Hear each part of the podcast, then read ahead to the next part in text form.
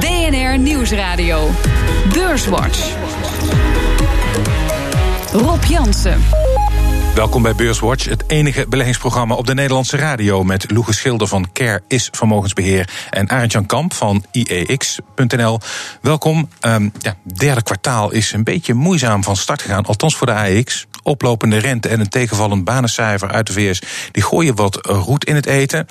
Um, nou zal de rente eerder verder omhoog gaan dan uh, naar beneden. Uh, denk jij dan ook, Loege, dat de koersen voorlopig wel onder druk blijven staan? Nou ja, een, een, een, stijgende rente is niet goed voor de koersen. Want voor beleggers wordt het dan interessanter om hun geld in obligaties of in rente te beleggen. Uh, de afgelopen kwartaal hebben we wel gezien dat de kwartaalcijfers eigenlijk een sturende kracht achter de koersen waren. Ja, die komen vanaf volgende week weer, of, of die week daarna. Uh, dus ja, heel veel zal afhangen van die kwartaalcijfers. En wat verwacht jij, Arend-Jan? De winstverwachtingen zien er eh, nog altijd prachtig uit. Zeker in Amerika zijn ze echt sky high. Dus wat dat betreft zijn die records op Wall Street niet zo raar. Maar hm. inderdaad, eh, de rentes lopen hard op. En bijvoorbeeld, eh, om je een voorbeeldje te geven. de Amerikaanse 10-jaarsrente, dat is een beetje de benchmark, doen nu 3,2 procent. En op de S&P 500 krijg je nog maar 2,3 procent dividendrendement. Dus ja, daar ga je als belegger toch een beetje rekenen. Het was de week waarin Trump een opvolger aankondigde van het oude NAFTA-handelsakkoord. We have successfully completed negotiations on a brand new deal to terminate and replace NAFTA with an incredible new US Mexico Canada agreement called USMCA. En Axo Nobel verdeelt de opbrengst van de chemietak onder de aandeelhouders. Dat is best wel een zwakte bot, zegt Josse Steeg van Insinger Gillissen. Je ziet dat het duidelijk is opgedrongen. Ze hadden er eigenlijk helemaal geen zin in. Maar door dat bot van PPG moesten ze toch laten zien dat ze zelfstandig ook nog wel wat konden. En toen hebben ze maar gezegd van ja, dan verkopen we die specialty eh, divisie. En met het geld weten we ook niet wat we moeten doen, dus keren we het maar uit. Ja, het is absoluut een zwaktebod. En Unilever verhuist het hoofdkantoor toch niet naar Rotterdam. Paul Koster van beleggersvereniging VEB. Uh, ze hadden al toezeggingen gedaan op het gebied van beschermingsconstructies. Maar het blijkt ook gewoon dat de dividendbelasting, waar zoveel over gesproken is, op geen enkele manier een rol heeft gespeeld uh, bij de aandeelhouders in Engeland. Tja, de dividendbelasting afschaffen hielp niet dus om de Britten over de streep te trekken. Uh, Britse aandeelhouders willen niet dat het hoofdkantoor naar Rotterdam verhuist. Dat moest uh, om van Unilever één bedrijf te maken. De Britse vennootschap zou verdwijnen. Alleen Unilever NV zou de enige moedermaatschappij zijn. Eén bedrijf, één hoofdkantoor, één aandeel. Um, Aantjan, het feest gaat niet door. Uh, Paul Topman, de CEO, heeft gefaald, mag ik dat zeggen?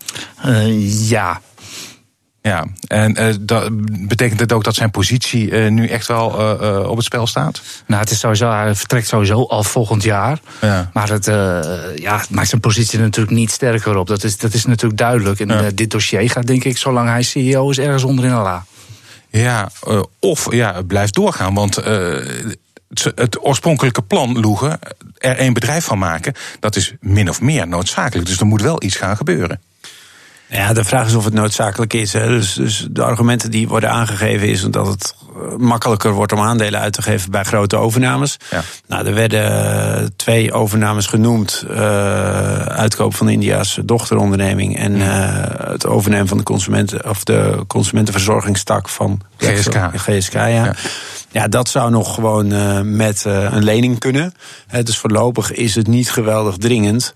Uh, ja, ja, maar goed. Maar het kan natuurlijk anders worden als er een buitenkantje voorbij komt of zo. Colgate Palmolive is een naam die al heel veel jaren valt. En ja, er zijn eigenlijk alleen maar grootmachten in deze sector aanwezig nog. En het zijn, ze zijn allemaal duur.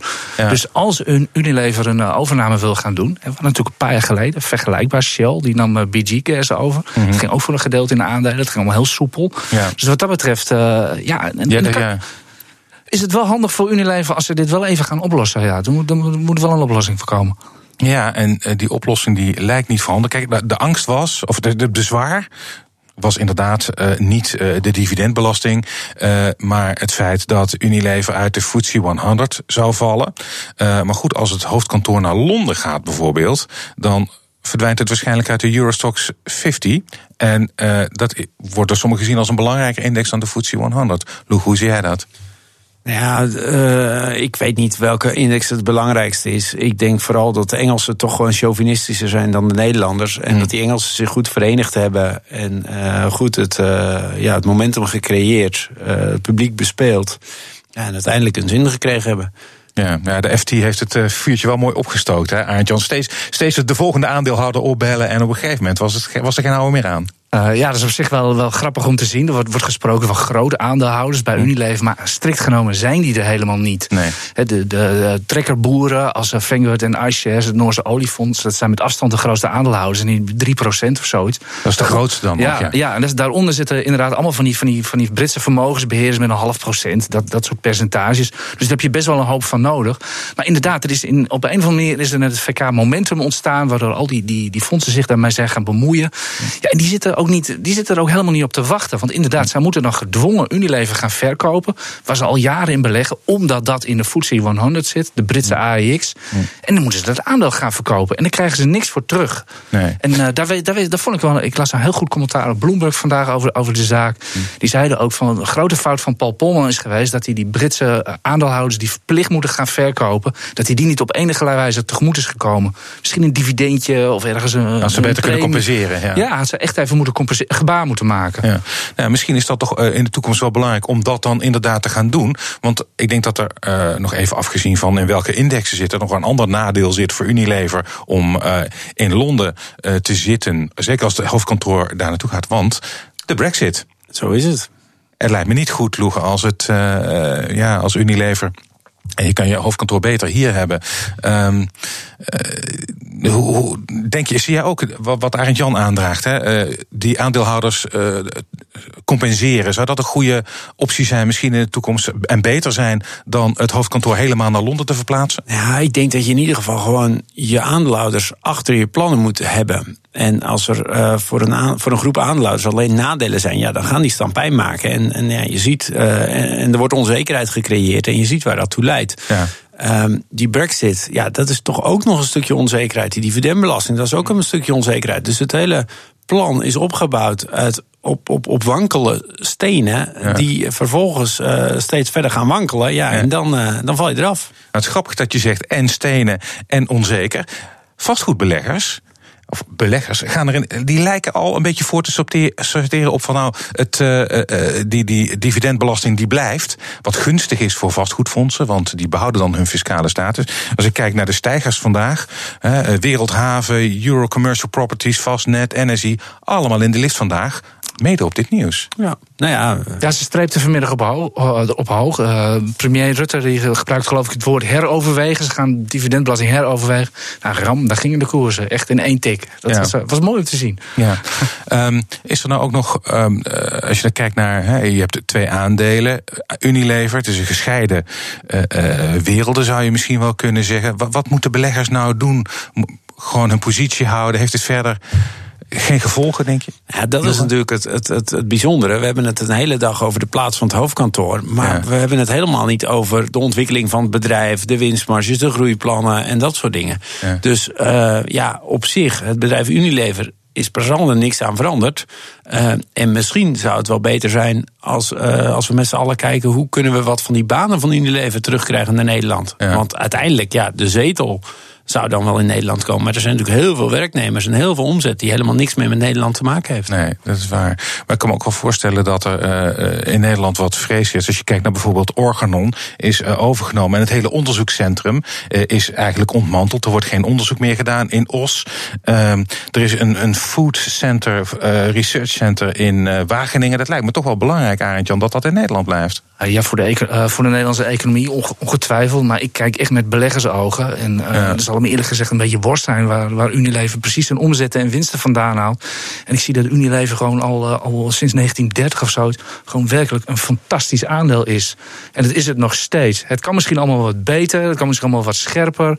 En uh, dat bleek dus ook vorig jaar toen Kraft Heinz uh, voorbij kwam. Zo van, ja, maar dat neemt niet weg dat gewoon jaar in jaar uit... gewoon Unilever haar winsten en dividenden gewoon prachtig laat, laat groeien. En als aandeelhouder heb je daar weinig opkijken naar. Dus wat dat betreft, ja, ik, ik ben erg fan van Unilever. Het is gewoon een schitterend aandeel. En of het hoofdkantoor nou in Rotterdam zit en het onderzoekscentrum, weet ik veel waar. Ik zie gewoon een mooi aandeel. Ja, nou ja, uh, het is aan de andere kant, als nog even terugkomend op de positie van Polman. Er zijn ook beleggers die zeggen, ja, hij heeft echt wel zo'n schop onder zijn achterste nodig om in beweging te komen toen bij Kraft Heinz. Die heeft hij toen wel gehad, ja. ja. die heeft hij wel gehad. Maar het is eigenlijk, zou je kunnen zeggen, het pleit niet echt voor Polman dat hij steeds alleen in crisissituatie uh, de juiste beslissing neemt. Er zijn ook mensen die, die zeggen dat hij te lang achterover heeft geleund.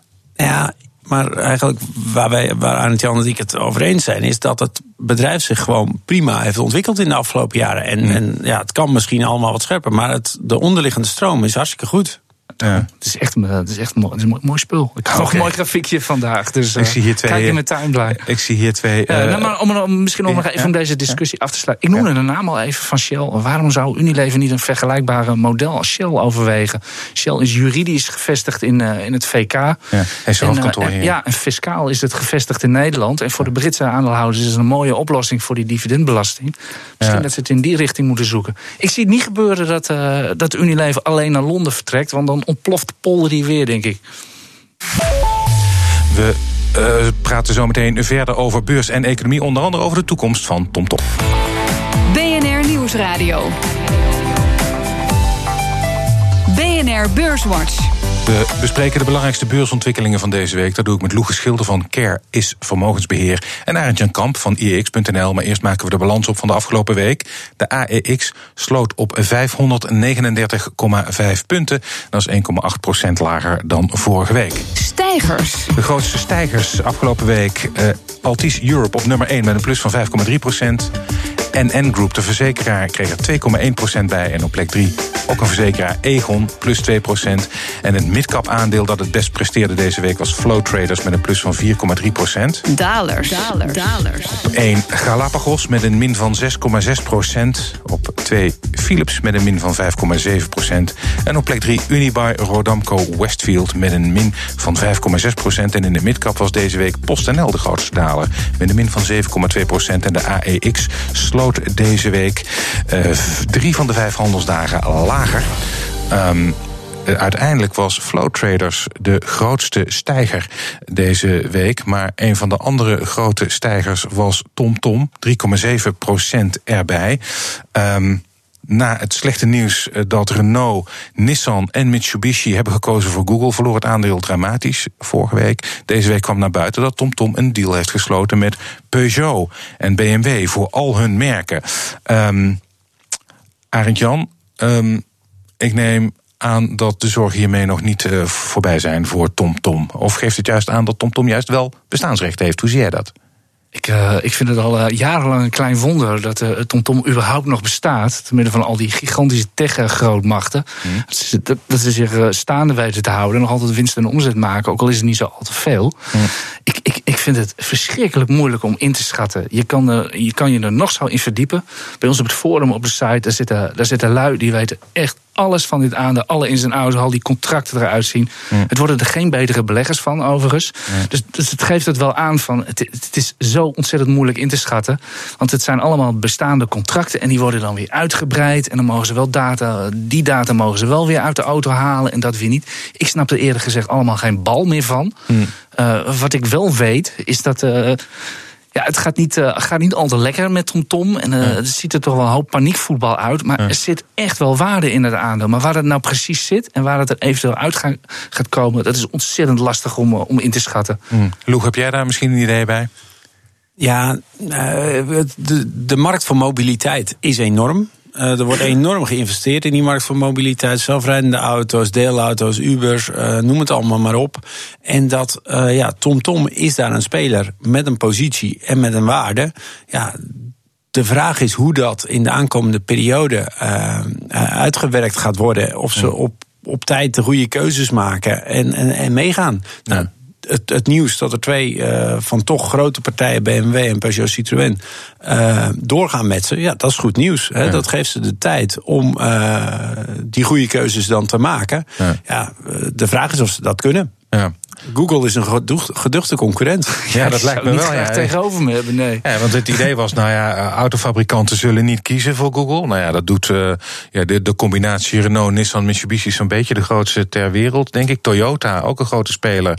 Ja, die kiest dan nog niet voor TomTom, Tom, maar wel voor, uh, voor, voor Google, maar wel voor bepaalde apps. Die mogen dan geen data gebruiken van Toyota. Maar ja, daarmee zeggen ze, ja, eigenlijk zetten ze de deur wel al open voor Google. Lijkt me echt wel heel erg lastig. Ja, maar als ik dan even uh, advocaat van, van het forum ga spelen... er ligt ook nog een deal met het Chinese Baidu, met, uh, met TomTom. En de Chinese markt is natuurlijk ook niet te onderschatten. Dat is waar. Ik kan me alleen nooit voorstellen dat de Chinese regering toestaat... dat TomTom daar allerlei data uit China gaat halen. Maar goed, wie ben ik? en dan heb je weer het nadeel dat uh, daar groot aandeelhouders in zitten... die het misschien niet zo makkelijk zullen verkopen aan een Chinese partij. Uh, het, is, het is in feite een familiebedrijf, Tom Tom. Ik bedoel, uh, meneer en mevrouw Gordijn niet bepalen in feite wat daar gebeurt. En je mag gewoon meesurfen. Daar komt het eigenlijk op neer. Hm.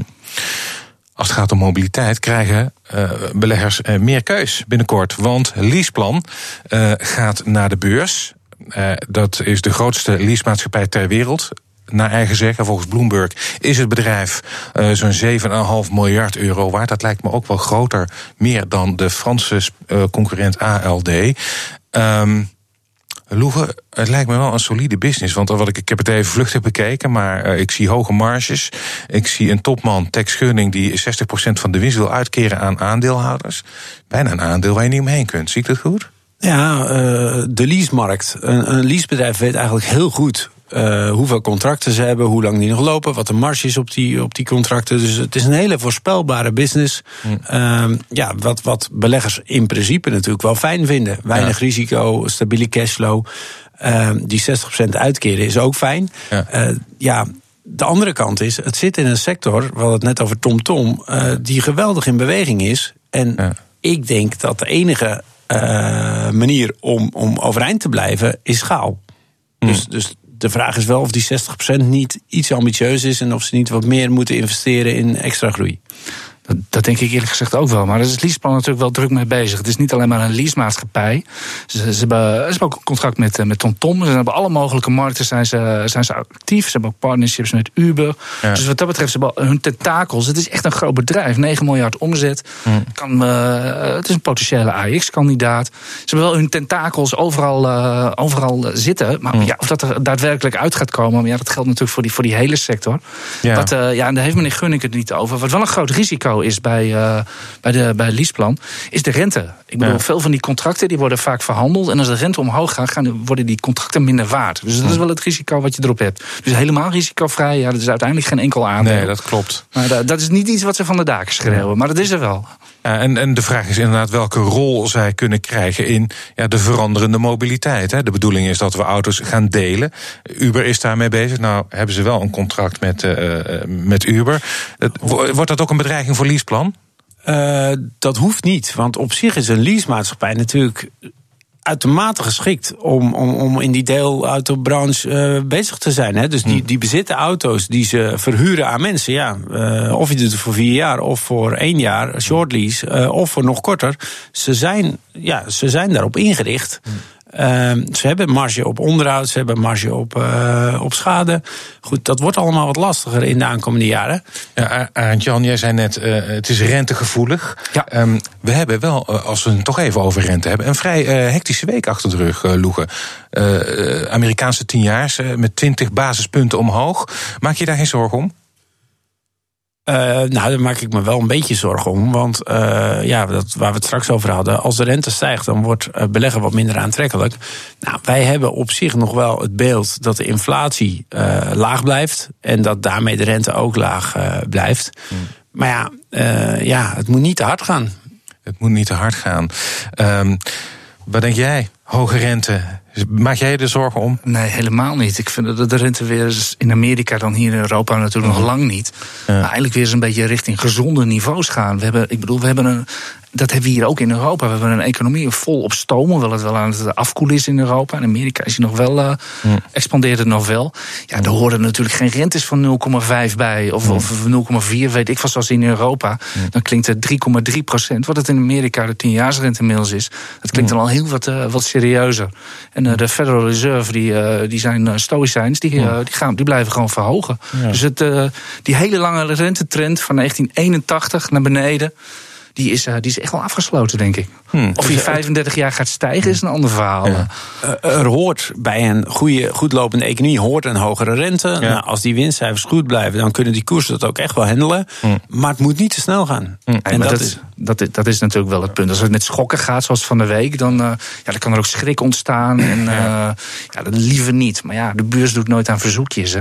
Nee, we zijn bijna aan het eind van deze uitzending. En dan heb ik toch altijd wel een vast verzoek aan mijn gasten. Namelijk de tip. Um, Loege, wat is jouw tip voor de luisteraar deze week? Ja, uh, nou ja, wij beleggen in indextrekkers. En ja. wij gaan, uh, mijn tip is de MSCI Emerging Market Index Tracker. Uh, ja, de emerging markets zijn uh, door de druk van liggen wel onder vuur. Ja, klopt. Uh, er is een uh, het handelsconflict zorgt ervoor, de, de stijgende rente. Ja. Maar ja, uiteindelijk de de forward koerswinstverhouding staat op 11. Ja. Nou, dat is dat is bijna de helft van die van Amerika en ook een stuk goedkoper dan van Europa. En de groeivooruitzichten en de winstvooruitzichten zijn prima. Dus het is je kunt het goedkoop oppikken. Ja moet, je moet misschien nog wel even zenuwen hebben. Ja, oké. Okay. Ja, die heb je zeker nodig bij die tracker. Uh... Een tracker opkomende markten. Arend Jan, jouw tip voor de luisteraar. Uh, ik sluit me bij een collega, mijn collega's van de beleggersdesk aan. Die hebben vanmiddag uh, meteen vastnet gekocht, vastgoedfonds. Ja. Ik zou zeggen, uh, pik eens wat Nederlands vastgoed op. Het is, het is spotgoedkoop, het blijft achter. Een prachtige dividenden. Ja. Ook al gaan die rentes omhoog of wat dan ook. Die dividenden die staan nog wel even. Ja. En ook dat het economische wat beter gaat uh, de huurcontracten zijn inflatiebestendig. Dus wat dat betreft zie ik niet zo heel veel uh, problemen. Mm -hmm. En ja, ik noemde ook al even die, die auto-industrie. Van, ja. hè, dit, ga nou niet in, in, in, in, Ferrari zitten of Aston Martin. Ferrari is trouwens heel erg duur. Ja. andere autofabrikanten. Aston Martin eigenlijk ook. Ja, maar dat, dit wordt ja. rap goedkoper. Ja, dat klopt. nee, maar dat is denk ik ook een beetje waarom Aston Martin naar de beurs zit. Omdat Ferrari zo'n enorm succes is. Andere autofabrikanten zijn spotgoedkoop. Maar dat is niet zonder reden. Er zijn veel bedreigingen, et cetera, et cetera. Maar ik zou zeggen, kijk eens net als dat knorbremsers naar de bedrijven eromheen. Knor. Ja, dat hebben, en die hebben we ook gewoon hier in Amsterdam genoteerd. Alberts is een bedrijf dat veel aan de auto-industrie levert. Mm. TKH heeft de legendarische bandenmaakbenzine mm. of uh, machines. Ja. En uh, ja. kijk eens naar dat aandeel. Dat, dat zijn niet de meest sexy aandelen, maar je ligt er ook niet s'nachts wakker van. En dat is uh, voor sommige oh. mensen ook al iets. Oké, okay, dus de toeleveranciers voor de auto-industrie en commercieel vastgoed. Um, hartelijk dank. Arend-Jan Kamp van IEX.nl en Loege Schilder van Care is Vermogensbeheer. Dit was BNR Beurswatch. Terugluisteren, dat kan via de site, de app, iTunes of Spotify. En graag tot volgende week.